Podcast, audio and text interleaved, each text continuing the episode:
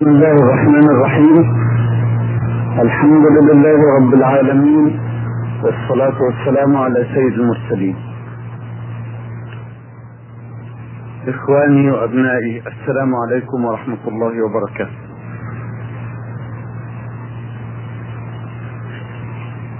في هذه المرة لا أجد معالي الشيخ أحمد جمجون الذي كان يستحثني دائما على الاستمرار في هذه المحاضرات فلعلي أنتهز هذه الفرصة وأطلب أجازة. أجازة عشان مؤتمر بس. لا المرة القادمة إن شاء الله نمضي في محاضراتنا ثم نتعطل اسبوعا من أجل مؤتمر التعليم الذي سيعقد في مكة بإذن الله. كان حديثنا في المرة السابقة عن تربية العقل ووعدنا أن نستكمل الحديث في هذه الليلة. وقلنا إنه ككل جزئية من جزئيات التربية الإسلامية يربط بين الكائن البشري وبين الله سبحانه وتعالى. فكما رب ربيت الروح بالارتباط بينها وبين الله كذلك يربى العقل على أن يعيش مع الله وأن يرتبط بالله في منهج تفكير. وقلت في المحاضرة الماضية إن أول ما يبدأ به في تربية العقل هو توجيهه إلى آيات الله في الكون ليعرف القدرة المعجزة التي خلقت هذا الكون فيعرف الله الواحد فيسلم له.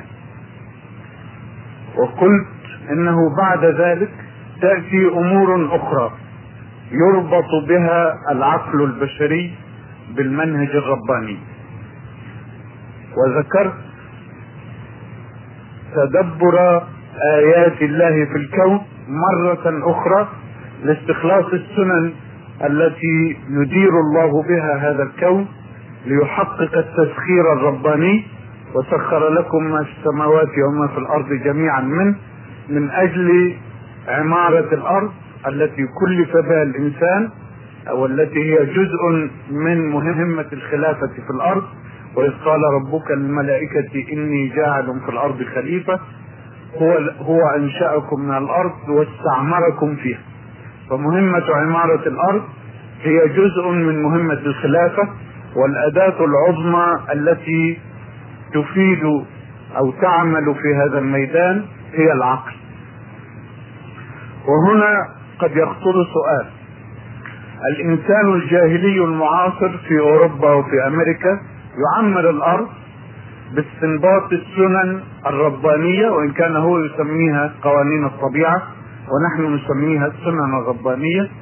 هو يستنبط السنن الربانية التي يدير الله بها هذا الكون وبواسطتها وبمعرفته لخواص المادة.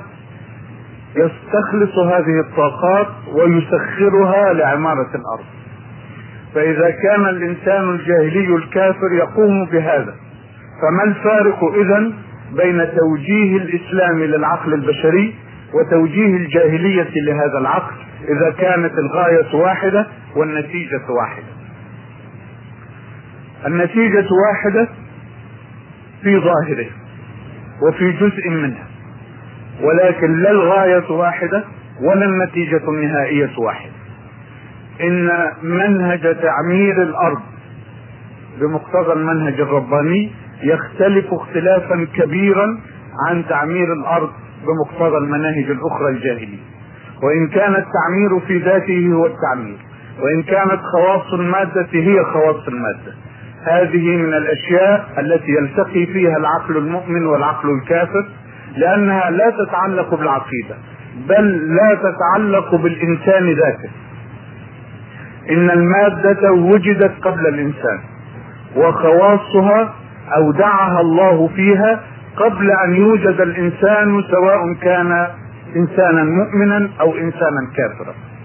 والإيمان أو الكفر لا يؤثر في خواص الماء فإذا كان الماء مثلا يتجمد في درجة ناقص أربعة فهو كذلك في يدي المؤمن وهو كذلك في يدي الكافر. لا يؤثر الإيمان بل لا يؤثر الإنسان كله في خواص المادة لأنها مخلوقة بقوانينها أو بسننها كما يحب المسلم أن يقول قبل خلق الإنسان. إذا إذا كانت الحقيقة العلمية واحدة وطريقة تسخير الطاقات الكونية لعمارة الأرض واحدة. الحديد أو النحاس أو الرصاص أو غيره من المعادن طريقة استخلاصه من الأرض واحدة طريقة تهيئته ليكون آلات وليكون إنتاجا واحدة. فما الفرق إذا بين استخلاص المؤمن لهذه الطاقات واستخلاص الكافر لها إن هذه من التي قال الله فيها كلا نمد هؤلاء وهؤلاء أي المؤمنين والكفار كلا نمد هؤلاء وهؤلاء من عطاء ربك وما كان عطاء ربك محظوظ. ما الفرق إذا إذا كان الله أمد الكافر والمؤمن بها بلا حساب أي بلا قيد يعني كل من يستطيع أن يجتهد يجد. ما الفرق؟ الفكر منهج والفرق في الغاية. الكافر يعمر الأرض ولكنه لا يلتزم في تعمير الأرض بالمنهج الرباني. لا يلتزم بالحلال والحرام. لا يلتزم بالطيب والخبيث. لا يلتزم بالحسن والقبيح. أو هو بادئ ذي بدء لا يقر بأن الله سبحانه وتعالى هو صاحب الحق. هو صاحب الحق الأوحد في أن يقرر للناس حلالهم وحرامهم وطيبهم وخبيثهم وحسنهم وقبيحهم. فهو يعمر الأرض تعميرا ماديا نعم ولكن الحقيقة أنه يتبع في هذا التعمير خطوات الشيطان المتمثلة له في الهوى. أفرأيت من من اتخذ إلهه هواه؟ يستخدم طاقة العلم أو حصيلة العلم في أي شيء في الخير أو في الشر. كما يحلو له هو كما يرى هو أنه صواب يستخدم حصيلة العلم فيه. يستخدم الطاقة المادية. يستخدم عمران الأرض. يعمل مدن يعمل طرق يعمل شوارع يعمل سيارات يعمل طائرات يعمل برادات فريجيدرات. يعمل صواريخ يصل بها إلى القمر. ثم كيف يستخدم هذا كله؟ يستخدمه في رفعة الإنسان أم في الهبوط به إلى مستوى الحيوان؟ ليست المادة ليس الإنتاج المادي ليس التعمير المادي هو الذي يقرر مصير الإنسان. إنما المنهج الذي يدار به هذا التعمير المنهج الذي يجري به هذا التعمير هو الذي يقرر الإنسان إنسانيته أو يرده أسفل سافلين إذا استخدمت ثمار العلم إذا استخدم التعمير الأرضي في ربط القلب البشري ربط الكائن البشري بالله في ربط حياته بمنهج الله في استقامته على هذا المنهج فهذا التعمير اذا جار بمقتضى المنهج الرباني وهو مؤذن بالإنسان إلى الرفعة مؤذن به أن يكون في أحسن تقدير إذا كان النتاج المادي والعمارة المادية للأرض تستخدم لإبعاد الإنسان لإثارة شهواته ونزواته لتزكية نفسه بدلا من تزكيتها إذا فهو تعمير للشيطان. هنا في الأرض يؤدي إلى نتائج وفي الآخرة يؤدي إلى نتائج. هنا في الأرض تفتح على الكفار أبواب كل شيء. هذه سنة من سنن الله. فلما نسوا ما ذكروا به فتحنا عليهم أبواب كل شيء. يعني يمكنون يمكنون ماديا يمكنون علميا يمكنون سياسيا يمكنون حربيا يمكنون اقتصاديا. تصور أبواب كل شيء وما يمكن أن تعني هذه العبارة من ألوان التمكين. نعم ولكن هنا في الأرض تفتح عليهم هذه الأبواب كلها ولا ينالون الطمأنينة ولا ينالون البركة. لأن البركة تعطى للذين آمنوا. ولو أن أهل القرى آمنوا واتقوا لفتحنا عليهم بركات من السماء والأرض. والطمأنينة الذين آمنوا وتطمئن قلوبهم بذكر الله ألا بذكر الله تطمئن القلوب. فيعمرون يعمرون التعمير المادي ويصلون فيه إلى درجة الإبداع درجة العبقرية كما هو حادث اليوم في هذه الجاهلية ولكن حياتهم خالية خالية من الطمأنينة وخالية من البركة. حياتهم فزع قلق حيرة اضطراب جنون انتحار أمراض نفسية أمراض عصبية. هذا هو الواقع الذي تعيشه أوروبا وأمريكا اليوم. ممكنون في جميع ألوان التمكين المادي وعمارة الأرض ولكن كيف هي حياتهم في الأرض؟ فلنأخذ من واقعهم ومن إحصاءاتهم هم لأنهم هم اصدقوا في الشهادة على أنفسهم. تقول إحصاءاتهم إن مرض الجنون هذه إحصاءات أمريكية مرض الجنون يفتك بعدد من الشعب الأمريكي أكثر مما يفتك به أي وباء مرضي اخر وإن كانوا هم يدارون مجانينهم في داخل الغابات لكي لا يراها الناس فالنتيجة واحدة هم مجانين. العيادات النفسية ظاهرة منتشرة في غرب أوروبا وفي أمريكا. وجزء من روتين الحياة هناك كما يذهب إلى السينما وإلى المسرح وإلى المرقص وإلى الحانة كذلك يذهب إلى العيادة النفسية. لو أنه سليم سليم النفس سليم العقل لماذا يذهب إلى العيادة؟ إننا نذهب إلى العيادة حين نكون مرضى ولا نذهب إليها ونحن أصحاء. فانتشار العيادات النفسية وحده دليل على مرض النفوس. والطمأنينة مفقودة. تقول إحصاءاتهم إن حالات القلق والصرع والجنون والاضطرابات النفسية والاضطرابات العصبية منتشرة في شعوب غرب أوروبا وأمريكا ويقولون هي آخذة في الارتفاع الجريمة أيضا. الجريمة نوع من رد الفعل. حين تكون الحياة مستقرة نفوس الناس هادئة أعصابهم آمنة مطمئنة لا تكثر الجريمة في الأرض. لا نقول تنتهي. إنه الجريمة لا تنتهي أبدا. لا يوجد مجتمع بغير جريمة على الإطلاق. ومجتمع الرسول صلى الله عليه وسلم طبقت فيه الحدود. معنى ذلك أنه ارتكبت جرائم لكن كم حجمها بالنسبة لحياة هذا المجتمع؟ حالات فردية من مجموع الناس.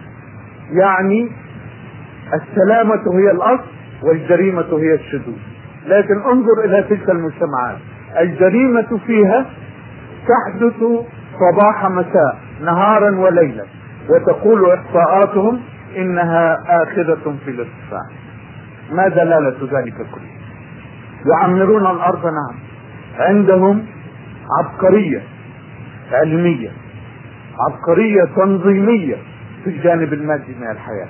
لكن حياتهم النفسية حياتهم العقلية حياتهم العاطفية كيف هي؟ حين تصل نسبة الطلاق إلى أكثر من أربعين في المائة ما معنى ذلك؟ معناه أن البيت غير مستقر.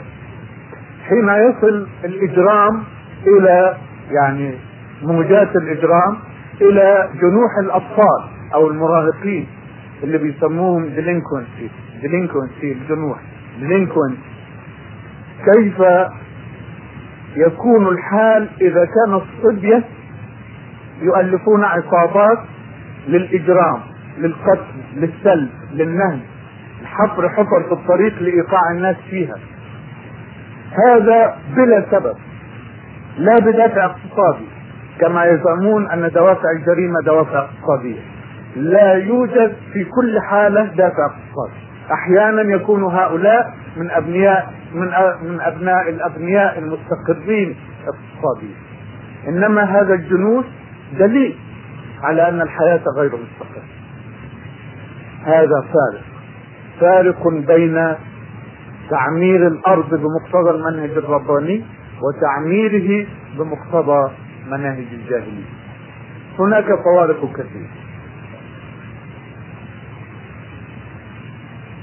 حين يشغل الجاهلي المعاصر عقله في استخلاص السنن التي يسميها هو قوانين الطبيعة ونسميها نحن السنن الربانية. وفي تطبيق هذا العلم النظري في الإنتاج المادي والتكنولوجيا فكيف يسلك هذا العقل في عملية استخلاص السنن الربانية؟ يقول عقل الأوروبي المعاصر أو عقل الجاهل المعاصر. يقول إن قوانين الطبيعة حتمية وإنها لا يمكن أن تتغير وليس لله أن يغير فيها ولا يستطيع أن يغير. ثم ينحصر تدريجيا فيما يقوله العلم. فما يقوله العلم حقيقة. وما لا يستطيع العقل ولا العلم أن يبرهن عليه شيء ساقط من الحساب. وتكون النتيجة إلغاء قضية الألوهية من حياته وإلغاء الوحي والرسالات وإلغاء الغيب وإلغاء المعجزات. يقولون هذه من خصائص العقل المتأخر. ويشيرون إلينا بصفة خاصة. هذه من خصائص العقل الشرقي المتأخر. عقل غيبي. عقل لا يدرك السببية. لا يدرك علاقة السبب بالمسبب علاقة الأثر بالنتيجة. ولذلك يحيله إلى تلك القوة الغيبية.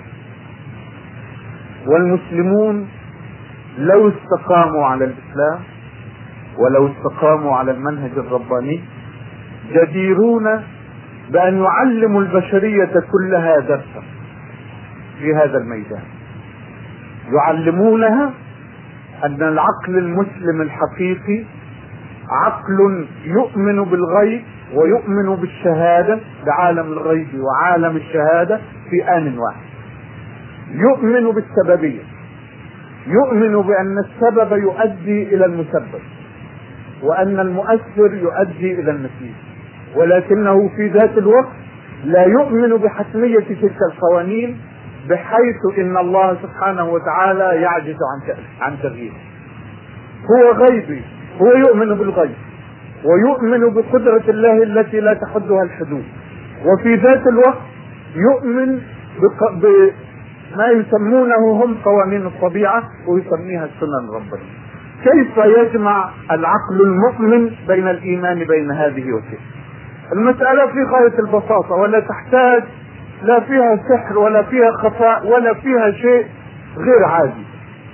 العقل المؤمن يؤمن بأن لله سنتين السنة الجارية والسنة الخارقة. ولا تعارض بين وجود هذه السنة وتلك السنة الجارية ثبتها الله سبحانه وتعالى رحمة منه لكي يستطيع الإنسان أن يقوم بدور الخلافة في الأرض. فلو أنه كانت الشمس تشرق يوما من الشمس من الشرق وتشرق يوما من الغرب وسنة يأتي الصيف حار وسنة يأتي مثلج ما استقرت حياة الإنسان على الأرض. فالله سبحانه وتعالى بمحض إرادته ثبت هذه السنن وجعلها سننا جارية وأدار الكون بها وانتظمت حركة الكون انتظمت ذلك الانتظام الدقيق الذي يختل قيد ساعة الذي لا يختل قيد ساعة والذي نضبط به ساعاتنا كما قلت لكم مرة من قبل. وحتى الساعة الإلكترونية اللي بتضبط واحد على مئة ألف من الثانية كيف تضبط أول مرة؟ تضبط على ساعة الفلك الكبير لأن كون الله دقيق دقة واحدة. وفي الوقت ذاته لله سنة خارقة يستخدمها حين يشاء سبحانه. ولا قيد على إرادة الله ومشيئته أن يستخدم هذه السنة حين يشاء.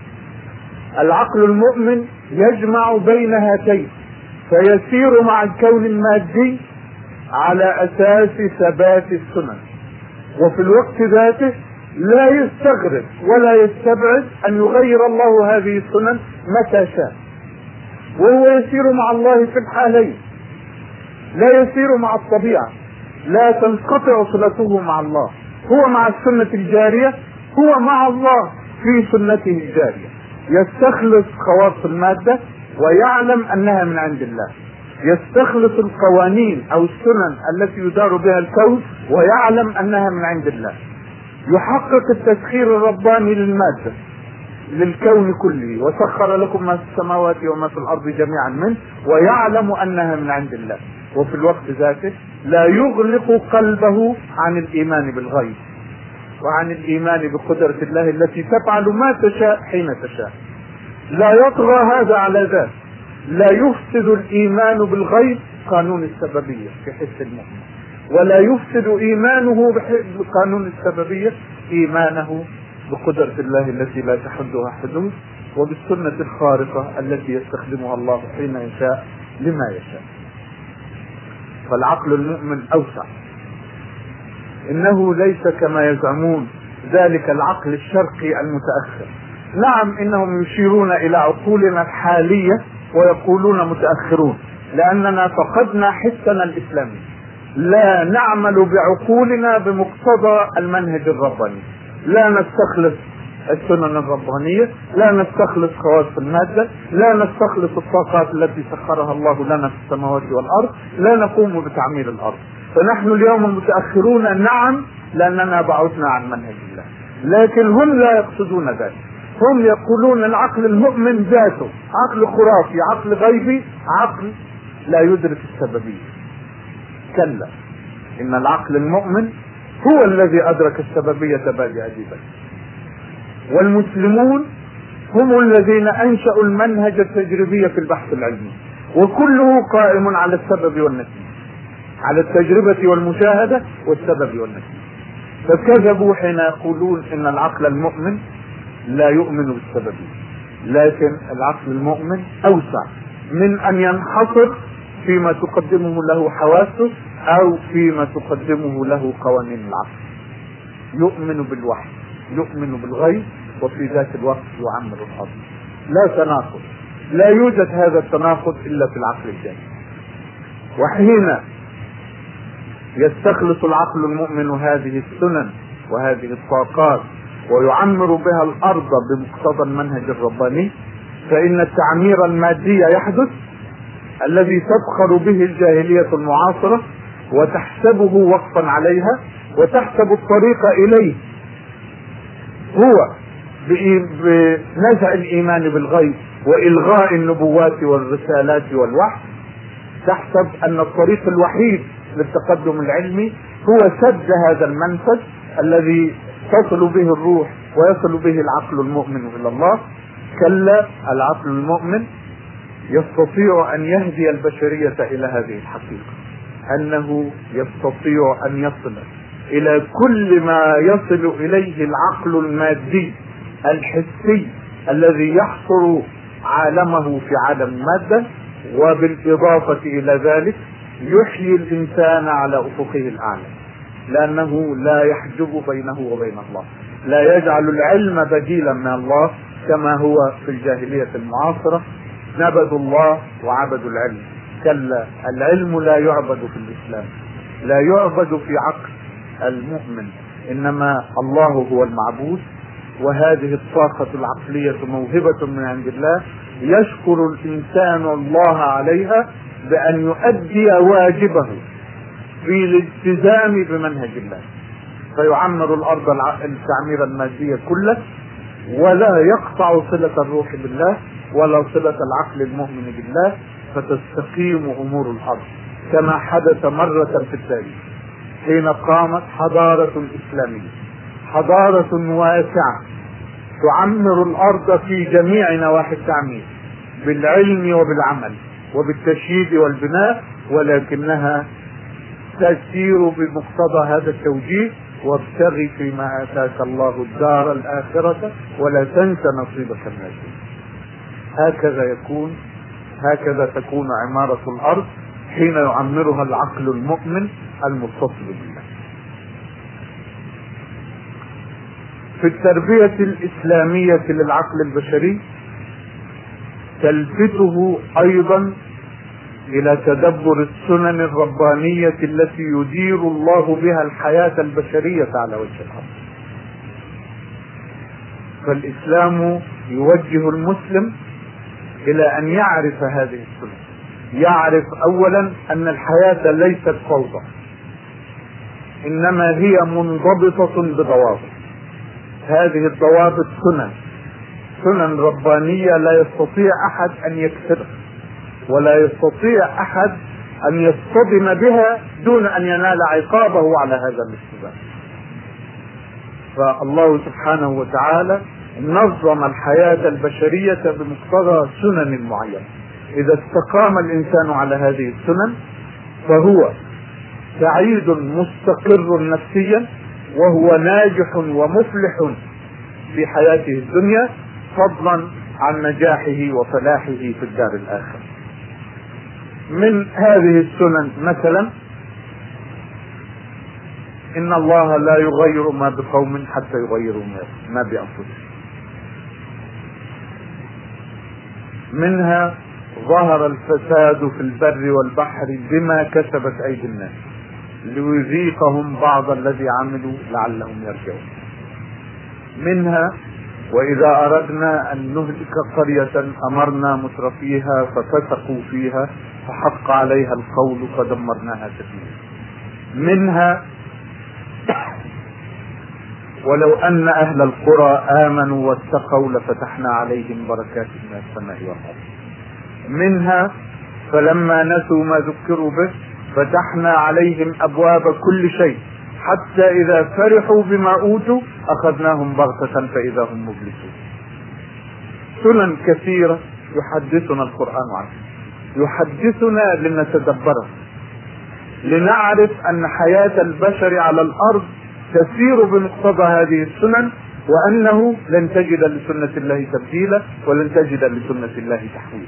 لا يمكن لأي قوة أن تغير سنة الله عن مجراها سنن لا تقبل التغيير. من بين هذه السنن أيضا. وإذا ابتلى إبراهيم ربه بكلمات فأتمهن قال إني جاعلك للناس إماما. قال ومن ذريتي قال لا ينال عهد الظالمين. ما معنى هذه السنة؟ إن إبراهيم خليل الله ابتلي ابتلاء ضخما جدا لا يقدر عليه ولا يصبر عليه إلا أولو العزم. ولا كل أولو العزم. ابتلي أو امتحن بأمر بذبح ابنه إسماعيل. واستسلم إبراهيم واستسلم إسماعيل. قال يا بني إني أرى في المنام أني أذبحك فانظر ماذا ترى. قال يا أبا تفعل ما تؤمر. فلما أسلم وسله للجبين. نعم اسلم هو وابنه أسلم لله. وبدأ ينفذان. ولم يكن الله سبحانه وتعالى يريد منه أن يذبح ابنه إنما يريد أن يعلم وهو العليم سبحانه. هل يستجيب إبراهيم لطلب الله أم إن طاعته محدودة بحدود؟ هل يستجيب لأشياء ويمتنع عن أشياء أم إنه يستجيب لكل ما يأمره الله؟ ونجح إبراهيم في الابتلاء. فأتمهن. وإذ ابتلى إبراهيم ربه بكلمات فأتمهن. أتم الابتلاء.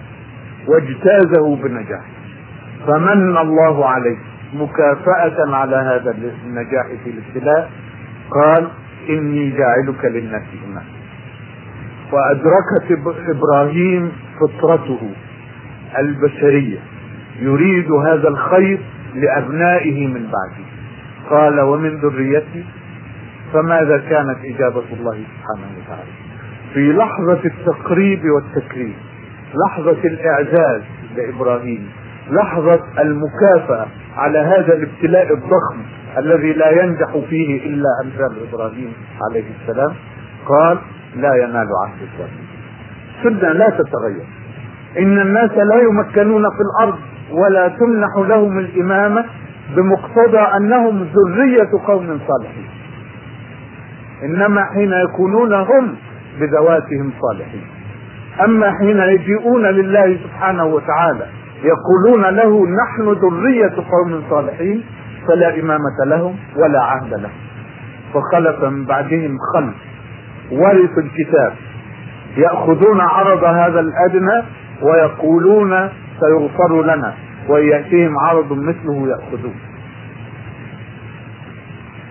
هذا الخلف كلمة خلف في العربية بتسكين اللام غير الخلف.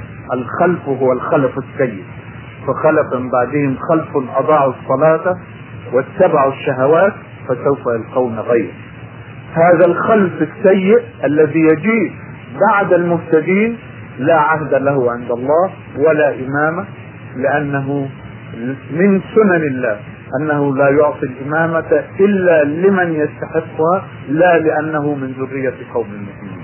هذه كلها سنن. سنن غير قابلة للتغيير. لا نستطيع أن نحلم ونقول كان آباؤنا وأجدادنا قوما صالحين وكانت فيهم الإمامة فلتكن فينا. كيف تكون؟ كيف تكون إن لم نستقم نحن على الطريق؟ إن لم نتبع السنة. السنة الربانية التي لا تحابي أحدا ولا تختلف من زمن إلى زمن. كيف نكون؟ إنما نكون بأن نكون نحن صالحين. وعد الله الذين آمنوا منكم وعملوا الصالحات لا يستخلفنهم في الأرض كما استخلف الذين من قبلهم ولا يمكنن لهم دينهم الذي ارتضى لهم ولا يبدلنهم من بعد خوفهم أمنا. يعبدونني لا يشركون بي شيئا. هذا شرط الاستخلاف. هذه أيضا سنة من سنن الله. الاستخلاف شرطه أن يكون الناس مؤمنين يعبدون الله لا يشركون به شيئا. لكن نحن ذكرنا منذ قليل الآية الأخرى فلما نسوا ما ذكروا به فتحنا عليهم أبواب كل شيء. كيف نقول إن شرط الاستخلاف هو الإيمان بالله بغير شيء؟ ونقول في ذات الوقت أو يقول الله سبحانه وتعالى لا نقول من عندنا إن الذين نسوا ما ذكروا به يفتح الله عليهم أبواب كل شيء. نعم ليس هذا تمكينا بالمعنى الذي يريده الله سبحانه وتعالى للمؤمنين. تفتح كما قلنا تفتح عليهم أبواب كل شيء ولكن القلق الحيرة الضياع عدم الاستقرار والتدمير في نهاية الأمر. نتيجة حتمية. لا تتخلف. يدمر الله على الكفار. وإن طال الزمن ويستعجلونك بالعذاب وإن يوما عند ربك كألف سنة مما تعدون. عمر الحضارة الغربية كام؟ ألف سنة هي في طريقها إلى الزوال هي في طريقها إلى الدمار بحسب هذه السنة الربانية. بعدما فتح لهم أبواب كل شيء لأنهم نسوا ما ذكروا. إنها سنة لا تتخلف. فلا يخدعنا ظهورهم على السطح فترة ما الوقت. إنهم ظاهرون على السطح بسنة من سنن الله. ولا يمكن تغيير ذلك. نسوا ما ذكروا به. فأعطاهم الله هذه الفتنة الضخمة. حتى إذا فرحوا بما أوتوا أخذناهم بغتة فإذا هم مبلسون سنن الله لا تتغير إنما على الإنسان المسلم أن يتدبرها يعرفها ليعرف كيف يسير التاريخ البشري كيف تسير أمور البشر.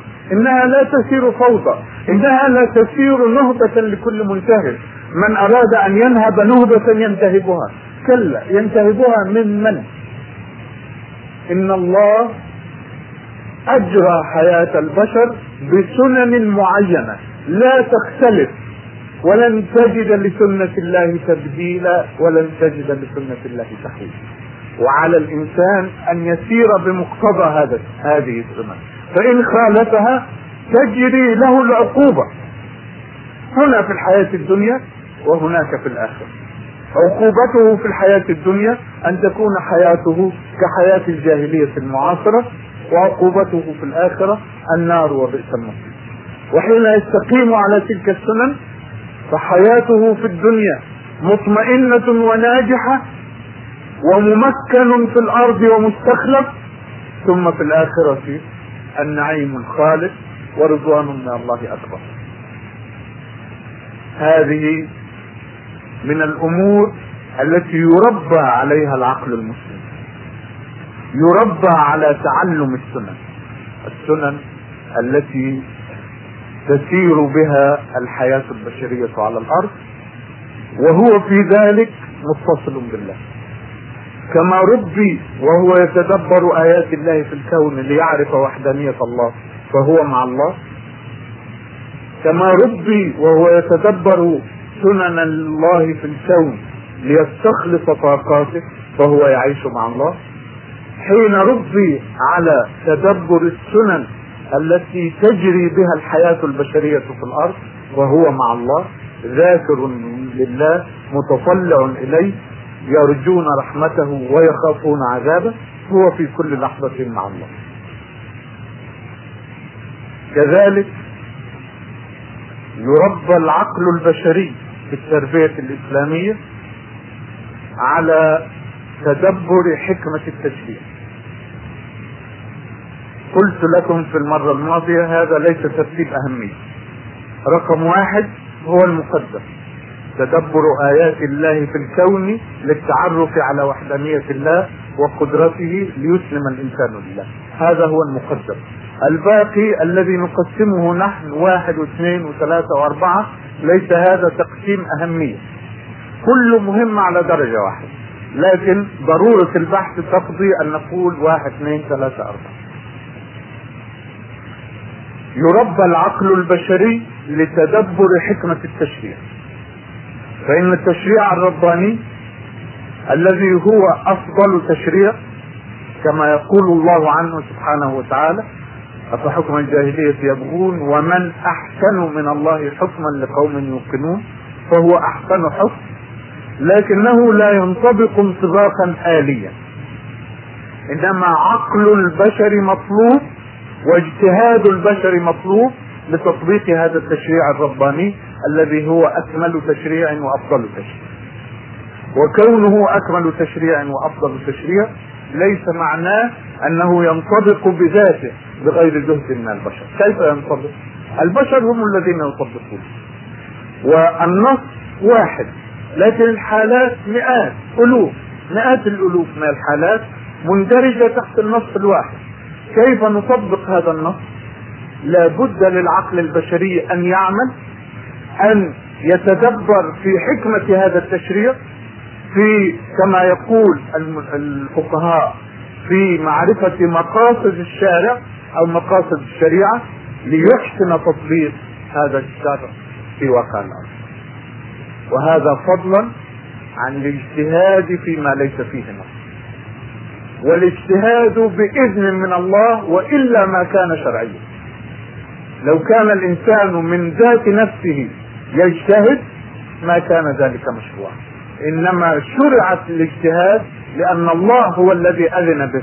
والله هو الذي أذن للعقل البشري أن يجتهد فيما تركه الله. تركه كما يقول رسول الله صلى الله عليه وسلم رحمة بالناس غير نسيان.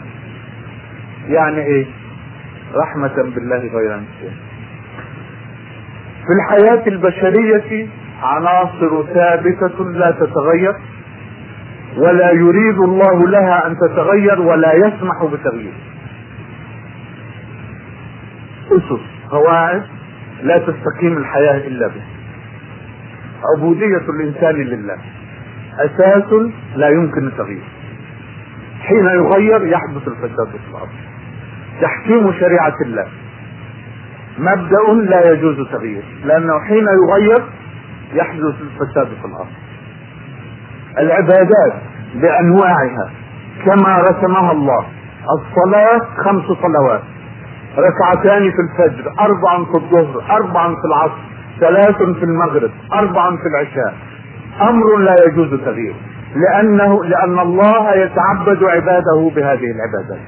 وحين يقول إنسان لنفسه كما قال مجنون في القاهرة لا أذكر الآن اسمه قال إنه سيصلي العصر اثنين بس ويعني حيتصرف في العبادات. يكون قد خرج عن عبادة الله. هو أي الكتاب ده في كتاب الكلام ده في كتاب بس غاب عن ذاكرتي اسم الكتاب الآن. راجل كبير عظيم وكيل وزارة العبادات لا تتغير. بصورتها بنصها بحروفها كما أخذت عن رسول الله صلى الله عليه وسلم. صلوا كما رأيتموني أصلي. خذوا عني من مناسككم. هذه أمور لا تتغير. الحدود لا تتغير. هي من عند الله. وهكذا. هكذا أنزلت وهكذا تطبق غير قابلة للتغيير. علاقات الجنسين لا تتغير. لانها حين تتغير يعني حين تتغير القواعد التي تحكمها يحدث الفساد في الأرض. لقاء الذكر والأنثى على قواعد مشروعة. يسميها الله حلالا. حين تخالف هذه وحين يدخل الناس في الحرام تصير الفوضى التي نرى نماذج منها في جاهلية القرن العشرين. علاقة المسلمين بغير المسلمين لا تتغير. الله هو الذي رسمها وهو الذي فرضها وإذا إذا تغيرت كيف تتغير؟ الله قال لا ولاء بين إلا بين المؤمنين بعضهم وبعض. حين يكون هناك ولاء بين المؤمن والكافر تفسد الحياة كما نراها تفسد في العالم الإسلامي الذي يوالي فيه أولياء الأمور من أمر الله ألا يوالون. تفسد الحياة. أمور لا تتغير. وفي ذات الوقت هناك أمور متغيرة. يعلم الله أنها متغيرة. ويريد لها أن تتغير لأنه لا يريد أن يحبس البشرية في قالب معين. وهذه الشريعة نازلة إلى يوم القيامة لتنفذ لتبقى في الأرض إلى يوم القيامة بمشيئة الله وبإذنه. فما دامت هي الكلمة الأخيرة التي لن تنزل بعدها كلمة أخرى من السماء فقد روعي من لدن الحكيم الخبير. راعى فيها سبحانه مصلحة هذه البشرية بأنه في المسائل المتغيرة لم يعطي الله سبحانه وتعالى تفصيلات ثابتة تقيد خطى البشرية. لأنه يريد للبشرية أن تنمو لكن يريد لها نموا سليما. لا نموا أعرج ولا نموا شاطحا كما تنمو الجاهلية المعاصرة. فوضعت وضع الله سبحانه وتعالى في شريعته اصولا ثابتة لتلك المسائل المتغيرة. ولم يضع لها تفصيلات يتقيد بها خطو البشرية. فحين ترك الله هذه كما قال رسوله صلى الله عليه وسلم فقد تركها رحمة بالناس غير نسيان. ليس الله ناسيا وحاشا لله أن يغفل وليس غافلا وحاشا له أن يغفل كما يقول بلسان المقال إن لم يكن بلسان الحال إن لم يكن بلسان المقال. من يقول كيف نطبق شريعة نزلت قبل أربعة عشر قرنا والدنيا تغيرت والدنيا تطورت. الذي يقول هذا كأنه يقول إن الله سبحانه وتعالى كان غافلا نستغفر الله حين أنزل هذه الشريعة عن أنه ستكون هناك تطورات في القرن العشرين. لم يعرف الله سبحانه هذا. وأنزل شريعة وقال نفذوها وهو ناسب الفقهاء الأوائل قالوا كل شيء في الدنيا ولا حاجة لنا إلى جديد. حين صنع ذلك ماذا كانت النتيجة؟ جدت أمور في حياة البشر لم يكن لها غطاء من الشريعة. فذهب الناس إلى القوانين الوضعية. ودخل الشياطين من هذا الباب. الدولة العثمانية دولة الخلافة العثمانية أتيت من هذا الجانب. حين أبت تحرزا لله بحسن نية حين أبت إعادة فتح باب الاجتهاد دخل اليهود والنصارى في بلاط الخلافة واستدرجوا سليمان القانون الذي استدرجوه بهذا اللقب. سموه سليمان القانوني لينتفش ليغتر ليصبح في حس نفسه عظيما. وبماذا سموه سليمان القانوني؟ من القوانين الوضعية التي بدأ بتطبيقها بدلا من الشريعة الإسلامية. وظل خط الانحراف يتسع ويزداد حتى صار الجزء الأكبر من التشريع هو التشريع الوضعي والجزء الأقل هو التشريع الرباني. فكان يعني مسافة صغيرة بين هذا وبين إلغاء الشريعة الإسلامية كلها. العقل الإسلامي العقل المؤمن مكلف أن يتدبر مقاصد الشريعة. حتى إذا طبق هذه الشريعة طبقها التطبيق العادل التطبيق الواسع الأفق الذي يتسع لما يجد في حياة البشرية. يقول عبد العزيز رضي الله عنه يجد للناس من الأقضية بقدر ما يجد لهم من القضايا أو قال بقدر ما يجد لهم من الفجور يعني كل من حرفوا عن طريق الله تجد لهم أقضية يعني أحكام مستمدة من الشريعة لتغطي ما جد في حياة الناس وتردهم إلى الشريعة. هذه مسألة يوجه إليها العقل البشري والعقل المؤمن وحصيلة الفقه الإسلامي من أعظم ما أنتجه العقل البشري سواء في الأصول أو في الفقه في القواعد التي يسير عليها الاستنباط والقياس أو في الاجتهاد ذاته حصيلة من أعظم ما أنتج العقل البشري لأنه استجاب لتوجيه الله سبحانه وتعالى أن يتدبر آيات التشريع. التوجيه ده موجود في الآيات نفسها. كثير من آيات التشريع تختم بمثل قوله تعالى قد بينا لكم الآيات لعلكم تعقلون لعلكم تتفكرون. يعني هناك أمر رباني بتدبر آه تشريعات الله سبحانه وتعالى اللي هي في الكتاب والسنة حتى إذا طبقها المسلم طبقها بوعي وبصيرة وهناك أمر لطائفة من هذه الأمة أن تتفقه في الدين. إلى حد أنها لا تذهب إلى المعركة. يعني يذهب إلى القتال. فريق من هذه الأمة ويبقى فريق ليتفقه في الدين وليفقه بقية المسلمين. يعني هذا الأمر من الأهمية بحيث أنه يوضع في مرتبة الجهاد في سبيل الله الذي هو ذروة سنام الإيمان. أخيرا وليس آخرا قلت إن هذا ليس ترتيب أهميات. يوجه العقل المؤمن لتدبر التاريخ التاريخ البشري. قل سيروا في الأرض فانظروا. فانظروا كيف كان عاقبة المكذبين انظروا كيف كان عاقبة الذين كانوا من قبل. توجيهات كثيرة. قل سيروا في الأرض فانظروا كيف بدأ الخلق. الخلق بيخطئ بعض الناس يجعل لسانه غلط كيف بدأ الخلق. لأنه بيقف عليها ما بيعرفش هي مفتوحة ولا مفتوحة يعني كيف بدأ الله الخلق مش كيف بدأ الخلق. فتوجيهات ربانية كثيرة لتدبر عبرة التاريخ. هناك منهج إسلامي للتأريخ. أخشى أن أقول إننا غافلون عنه وإننا نأخذ مناهج التأريخ الغربي ونتتبعها في انحرافاتها هناك قضية رئيسية ينبغي أن يدركها المؤرخ المسلم نحن كلنا مكلفون. مكلفون بتتبع سير الماضين الغابرين. لنعرف منها كيف عاملها الله سبحانه وتعالى. هل كانت مؤمنة وكيف كانت نتيجة الإيمان؟ أم كانت كافرة وكيف كانت نتيجة الكفر؟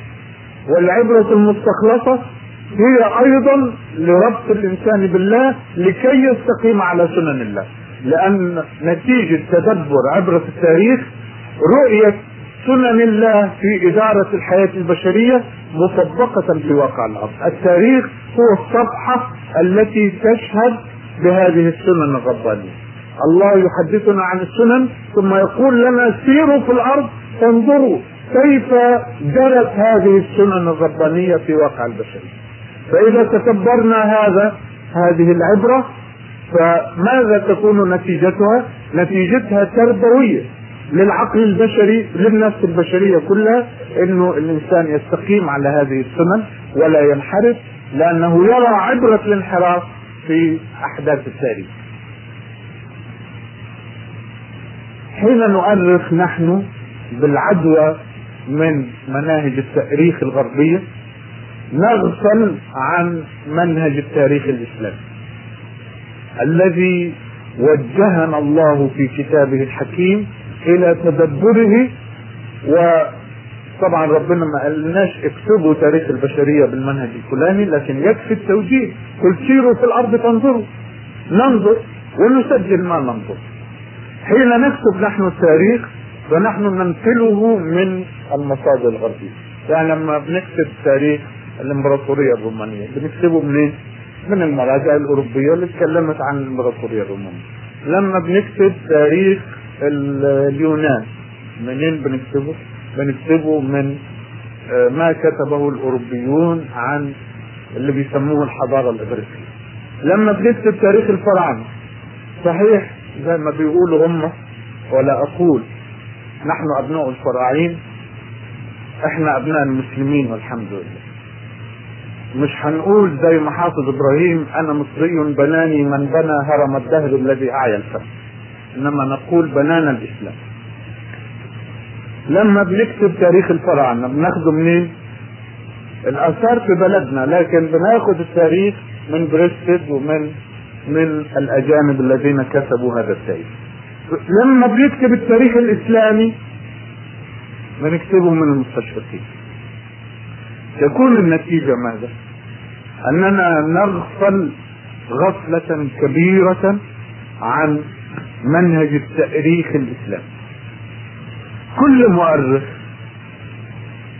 وعى لهذا أم لم يعي وقالها بلسانه أو لم يقلها يضع سؤالا معينا ويجيب عليه قبل أن يكتب تاريخ التاريخ ليس سرد وقائع التاريخ يبدأ بعد سرد الوقائع التمحيص تمحيص التواريخ وتمحيص الحقائق دي المادة الخام التي يستخدمها المؤرخ. لكن عمل المؤرخ هو تفسير الحوادث. مش رصة سنة كذا حصل كذا سنة كذا حصل كذا. أي واحد يقدر يحكي الحدوتة لكن التاريخ هو تفسير الأحداث بمنهج معين للتفسير. هنا يأتي دور هذا السؤال. ما غاية الوجود الانساني لابد أن يوضع هذا السؤال في ذهن المؤرخ قبل أن يسرد التاريخ. والإجابة على هذا السؤال هي التي تقرر له منهج التاريخ. ما غاية الوجود الانساني مناهج التاريخ, التأريخ الجاهلية التي ننقلها نحن ونعطيها لأبنائنا في المدارس وفي الجامعات تعتبر أن غاية الوجود الإنساني هو أو هي تعمير الأرض العمارة المادية والاستمتاع بما في الأرض من لذائذ وطيبات. مش طيبات طيبات وخبائث وكل فعلى هذا المقياس تكون الإمبراطورية الرومانية إمبراطورية عظيمة جدا. ليه؟ عمرت التعمير المادي بنوا مدن مدينة جميلة في وسطها ميدان في حمامات في قصر الحاكم وفي المحكمة وفي الحمام العمومي وفي السوق وبعدين كل الطرق مؤدية إلى وسط المدينة. زي كل الطرق مؤدية إلى روما كذلك كل الطرق داخل المدينة مؤدية إلى الميدان الرئيسي في المدينة. وحمامات باردة حمامات سخنة. وطرق بنيت قبل ألف سنة وبعدين اكتشفوا إنها الطرق الرومانية مبنية مش طبقة أسفلت رقيقه زي اللي بنعملها هنا ويجي المطر يشيلها مبنية طبقات بعضها فوق بعض إلى حد إن الدبابات في الحرب العالمية الأولى سارت على هذه الطرق فاحتملت شيء عظيم جدا عمارة ضخمة. وتمتع باللذائذ بالطيبات. إلى درجة الحيوانية ما فيش مانع الرومان كان عندهم في قصورهم وهذه مزية تميزت بها الحضارة الرومانية عندهم في صالة الطعام الكبيرة المائدة ترص عليها عصايب الطعام ومكان اعذروني فأنا أنقل الواقع وناقل الكفر ليس بكافر وناقل. الأشياء التي ما هو بيلقى في نفس الصالة مكان للقيء وكل قصر فيه هذا. في صالة الطعام مكان للقيء للضيوف. الضيوف الكبار بعد ما يأكلوا ويشبعوا حتى السخمة عندهم شهية للطعام أكثر مما أكلوا. يأخذون مقيعا ويفرغون ما في بطونهم ويعودون إلى المائدة ليأكلوا من جسم الحيوان لا يصنع هذا. الحيوان متى شبع؟ لو أعطيته أشهى الأطعمة لا ينظر إليك ولا يلتفت إليك. خلاص. أما ذلك الإنسان المتحضر الحضارة الرومانية كان يرتكب هذا كان يأكل حتى يشبع ثم يتقيأ ثم يأكل من جديد بالمقياس الجاهلي حضارة عظيمة جدا. سلطة عسكرية إذلال للأمم. القائد من هؤلاء جبار في الأرض. لأي إشارة لأي إهانة لشهوة التسلط فقط يجرد جيش عظيم جدا جيش متمرس بالقتال. اذهبوا دكوا هذا البلد استعبدوا أهله واتوني بهم عبيد. عظمة بالمقاييس التي نؤرخ بها نقول إن هذه عظمة. لأن غايه الوجود الإنساني كما تقدمه هذه المناهج الجاهلية هو عمارة الأرض عمارة ماديه والاستمتاع. الاستمتاع بالسلطة الاستمتاع بالقوة الاستمتاع بالجنس الاستمتاع بالطعام الاستمتاع بالحرير الاستمتاع بالماء الساخن. الإسلام يضع قاعدة مختلفة تماما منذ البدء. يحدد غاية الوجود الإنساني هكذا. وما خلقت الجن والإنس إلا ليعبدون. هذه غاية الوجود الإنساني.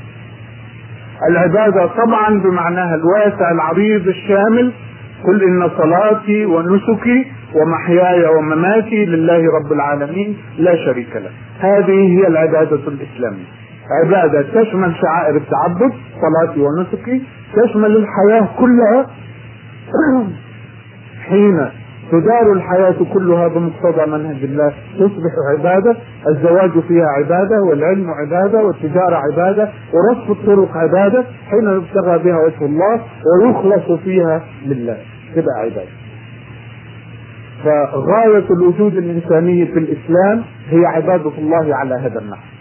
وعمارة الأرض تأتي هو أنشأكم من الأرض واستعمركم فيها العمارة المادية أيضا جزء من التكليف الرباني بحيث إننا لو قصرنا في تعمير الأرض نكون مقصرين في جزء من عبادة الله.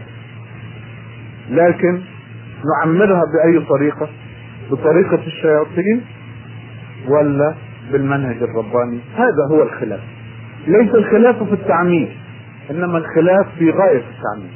حين نضع هذا السؤال وإجابته ما غاية الوجود الانساني؟ وإجابته الربانية القرآنية ما وما خلقت الجن والإنس إلا ليعبدون يتغير. تتغير نظرتنا للتاريخ تغيرا كاملا ولن نلغي ما يقوله المؤرخون الجاهليين لن نلغي أن الرومان بنوا مدنا وفي وسط المدينة قصر الحاكم والمحكمة والسوق والحمام لن نلغي هذا. لن نلغي من تأريخنا للفراعنة أنهم بنوا الأهرام وأنهم كانوا بارعين في الطب كانوا بيعملوا عمليات تربنه في المخ. في ذلك العصر السحيق. لن نلغي هذا من التاريخ لكن ما غاية ذلك كله؟ في عند الفراعنة يعبد الناس للفرعون. مع كل ذلك مع الاهرام مع التقدم الطبي مع التقدم الهندسي لأنهم بيقولوا إن بناء الهرم يدل على عقلية هندسية فذه عبقرية غير عادية. ترتيب الزوايا بتاعته. دخول الشمس في معبد من معابد الاقصر والقنا لا أذكر لست متضلعا في ذلك التاريخ لكن في معبد من هذه المعابد تدخل الشمس فيه يوميا مدى 365 سنة من طاقة مختلفة عن الطاقة التي قبلها. كل يوم تدخل من طاقة معينة. عبقرية لا شك وفي النهاية الناس عبيد للفرعون. ليسوا عبيدا لله الذي خلقهم لكنهم عبيد لبشر مثلهم يستعبدهم يستذلهم يقهرهم يمنعهم من عبادة الله حين يجيئهم الرسول يقول إن آمنتم بغير إذن مني أعلقكم في جذوع النخل وأصلبكم والإمبراطورية الرومانية على كل إنتاجها المادي ماذا كانت تفعل؟ أين مكان الإنسان فيها؟ أعبد هو لله أم عبد لشرذمة من الطغاة اللي هو القيصر و وقواده وحكامه ثم تستعبد هذه الأمة بقية الأمة استعباد حقيقي. الجيش ذاهب ليستعبد. كل أمة مقهورة هي أمة مستعبدة. ومستعبدة لحكمة الناس دول. يا ريت حتى لكل أهل إيطاليا لأهل روما. هم دول الأشراف ذوي الدم الأزرق النبيل وبقية البشر عبيد. هذه هي. حين نقومها بالتقويم الرباني نقول كما ينبغي أن نقول الجاهلية الرومانية الجاهلية الإغريقية الجاهلية الفرعونية لأن تقويمها الأخير هو أنها جاهلية. والله سبحانه وتعالى يوجه العقل المسلم لتدبر عبر التاريخ لينظر الإنسان ماذا كان عاقبة تلك الجاهليات التي رفضت أن تهتدي بالهدى الرباني.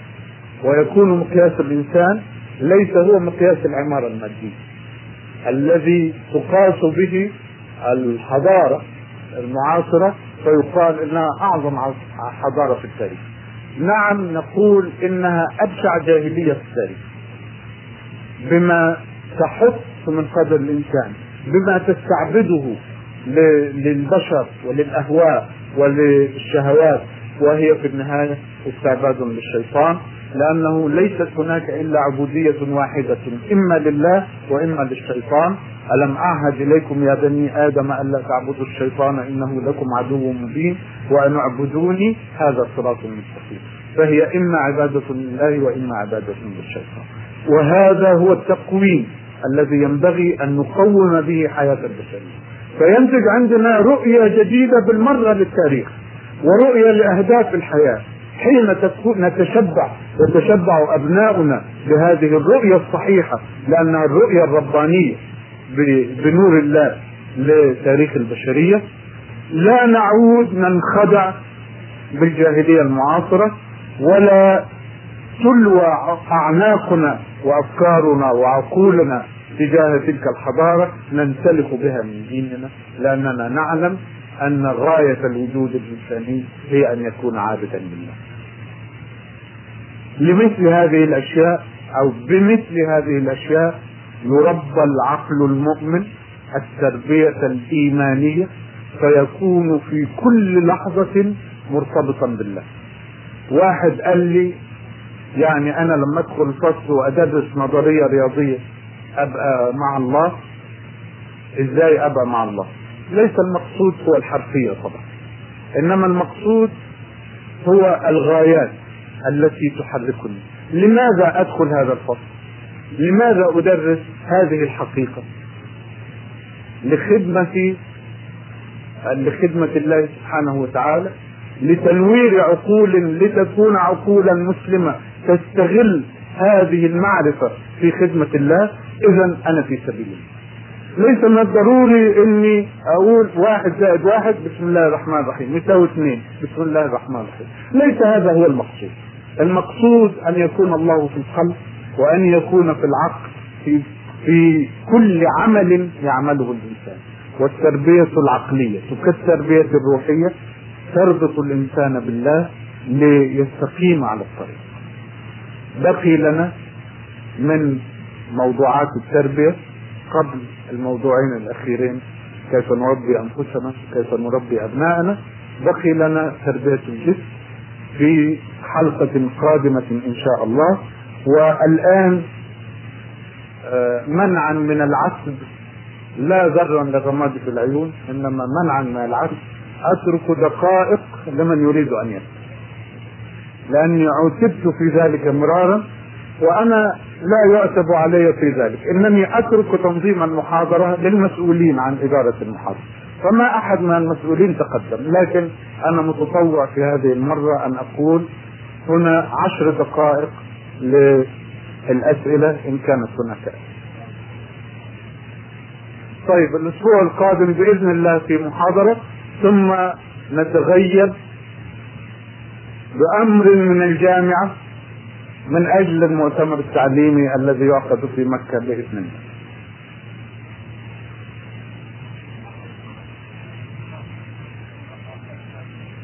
فين؟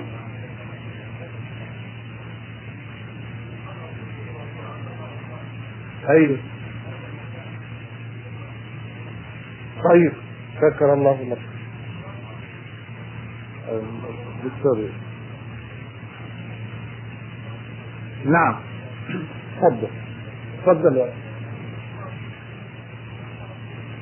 أيوه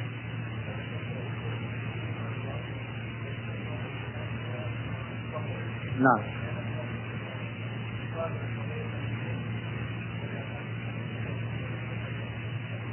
أيوه يعني آه لا نتكل على الخوارق. نعمل كأنه لا توجد إلا السنة الجارية. لكن في الوقت ذاته لا نغلق أرواحنا وقلوبنا وعقولنا عن السنة الخالصه مثلا لابد من جهاد لنصل إلى نتائج معينة.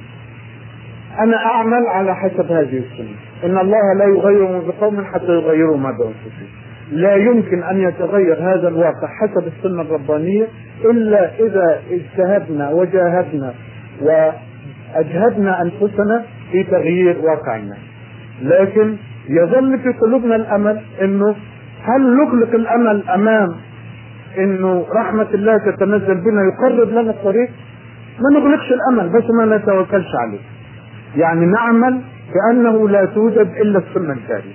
لكن لا نغلق الباب أمام السنة الخارقة. بتحصل لنا أشياء مثل الخوارق في حياتنا. عدنان مندريس لما كان في في الجو سبب إعادة الأذان باللغة العربية في في تركيا. إن عدنان مندريس وقعت له حادثة طائره وهو في الجو. تعطلت المحركات الأربعة. يعني الطيارة لابد أن تقع حتما لأن هذه سنة من سنن الله. لكنه دعا الله إن نزل حيا إلى الأرض أن يعيد الأذان باللغة العربية في تركيا. حدث شيء نستطيع أن نقول خارق نزلت الطائرة على شجرة فلم تتحطم ونجا عدنان المندري نقدر نقول دي إن دي السنة الجارية. هنا إرادة معينة لله. إن كل شيء خلقناه بقدر. لو هو ترك نفسه للسنة الجارية موت محقق. وهو رتب نفسه على هذا. لكن لم يغلق باب الأمل في وجه الله. قال إن نزلت حيا لأعيدن الأذان باللغة العربية. وكان ونزل حي بما يشبه الخارقة لأن الطيارة نزلت على شجرة ونزل سليم فأعاد الأذان باللغة العربية. المؤمن يعني لا يقطع يعني يسير بالسنة الجارية لكن لا يغلق روحه وقلبه دون الخوارق الربانية لأنه متى شاء ربنا يستعملها ما نقدرش نقول له استعملتها دلوقتي ليه؟ هذا فضل من عنده نعم.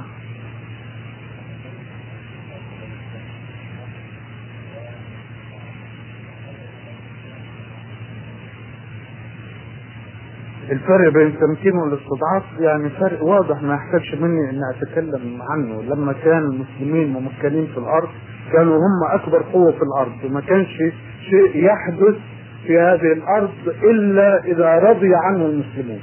وإذا لم يرضوا عنه تقوم الحروب التي تنتهي بهزيمة الخارجين على إرادة المسلمين.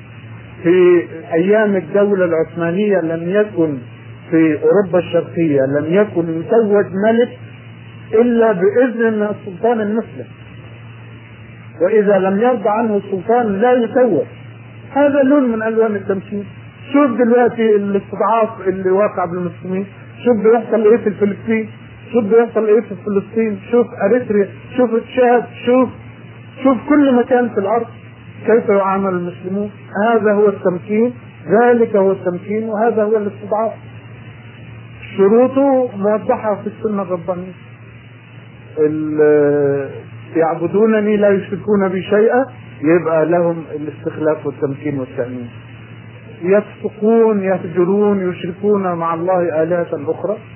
يصيبهم ما أصابهم يوشك أن تداعى عليكم الأمم كما تداعى الأكلة إلى قطعتها أو على قطعتها قالوا أمن قلة نحن يومئذ يا رسول الله؟ قال بل أنتم كثير ولكنكم غثاء كغثاء السيل أهو اللي موجود.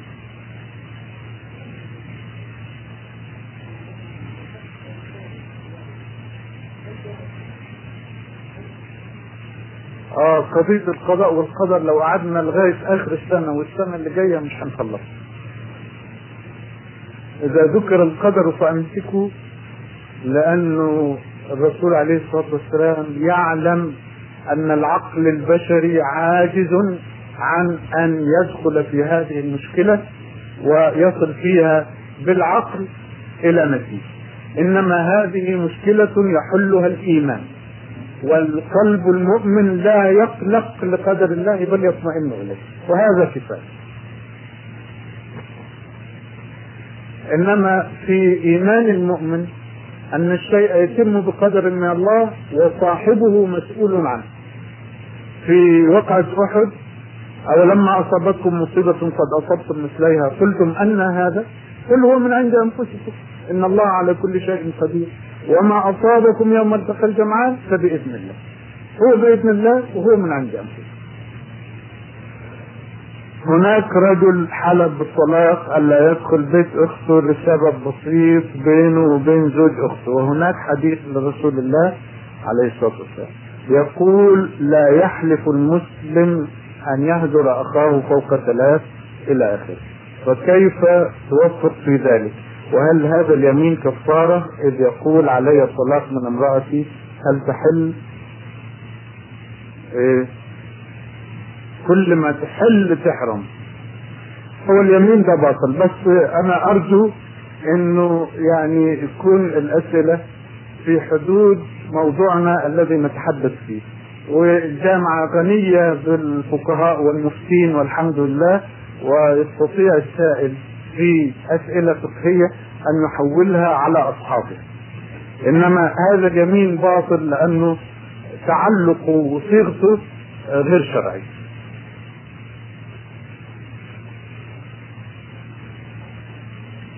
ما الفرق بين الحضارة والمدنية؟ هذا سؤال أعيا المفكرين. Civilization وكالتشر حضارة ومدنية. مين فيهم المختص بالناحية المادية ومين المختص بالناحية المعنوية؟ وهل التقسيم حاسم؟ هل هو متفق عليه اتفاق دولي؟ لا ما هو لا هو حاسم. ولا هو متفق عليه اتفاق عالمي. لكن الحضارة الإسلامية فريدة كما كل شيء في الإسلام فريد. الحضارة الإسلامية تشمل الإنسان كله بواقعه الحسي وواقعه المعنوي.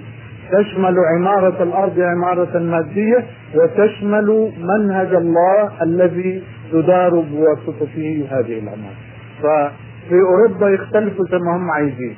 بين ال culture وال civilization لكن في الإسلام لا ضرورة لهذا الخلاف لأن الحضارة الإسلامية حضارة شاملة لكل نشاط الإنسان وكل كيانه بما في ذلك رغبات حسه ورغبات روحه بما في ذلك العبادة والتعمير المادي نعم.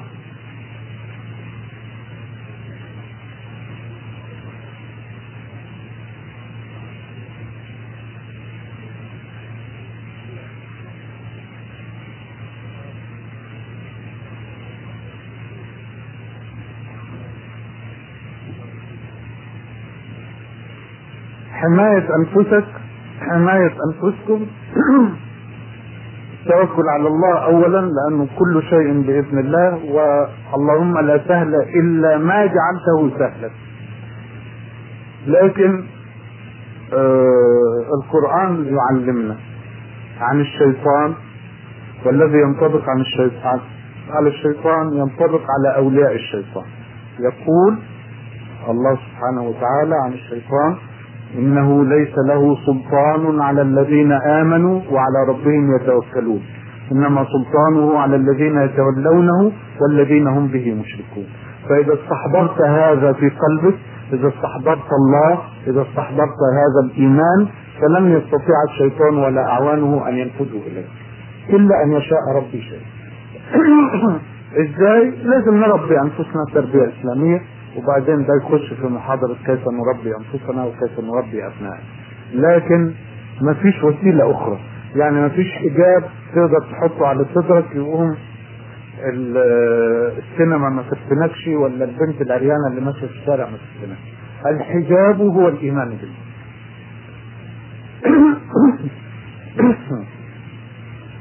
نرجو أن تعلن الجمهور الكريم عن موعد المحاضرة التي عنوانها الدعوة إلى الله والتي سوف يلقيها الدكتور عبد الله رشوان وذلك بعد مغرب يوم الأربعاء القادم إن شاء الله وشكرا. أعلنت اللهم هل بلغت؟ طيب أظن العشاء أذنت وأزف وقتنا وشكرا لكم ونلتقي بإذن الله في الأحد القادم. والسلام عليكم ورحمة الله.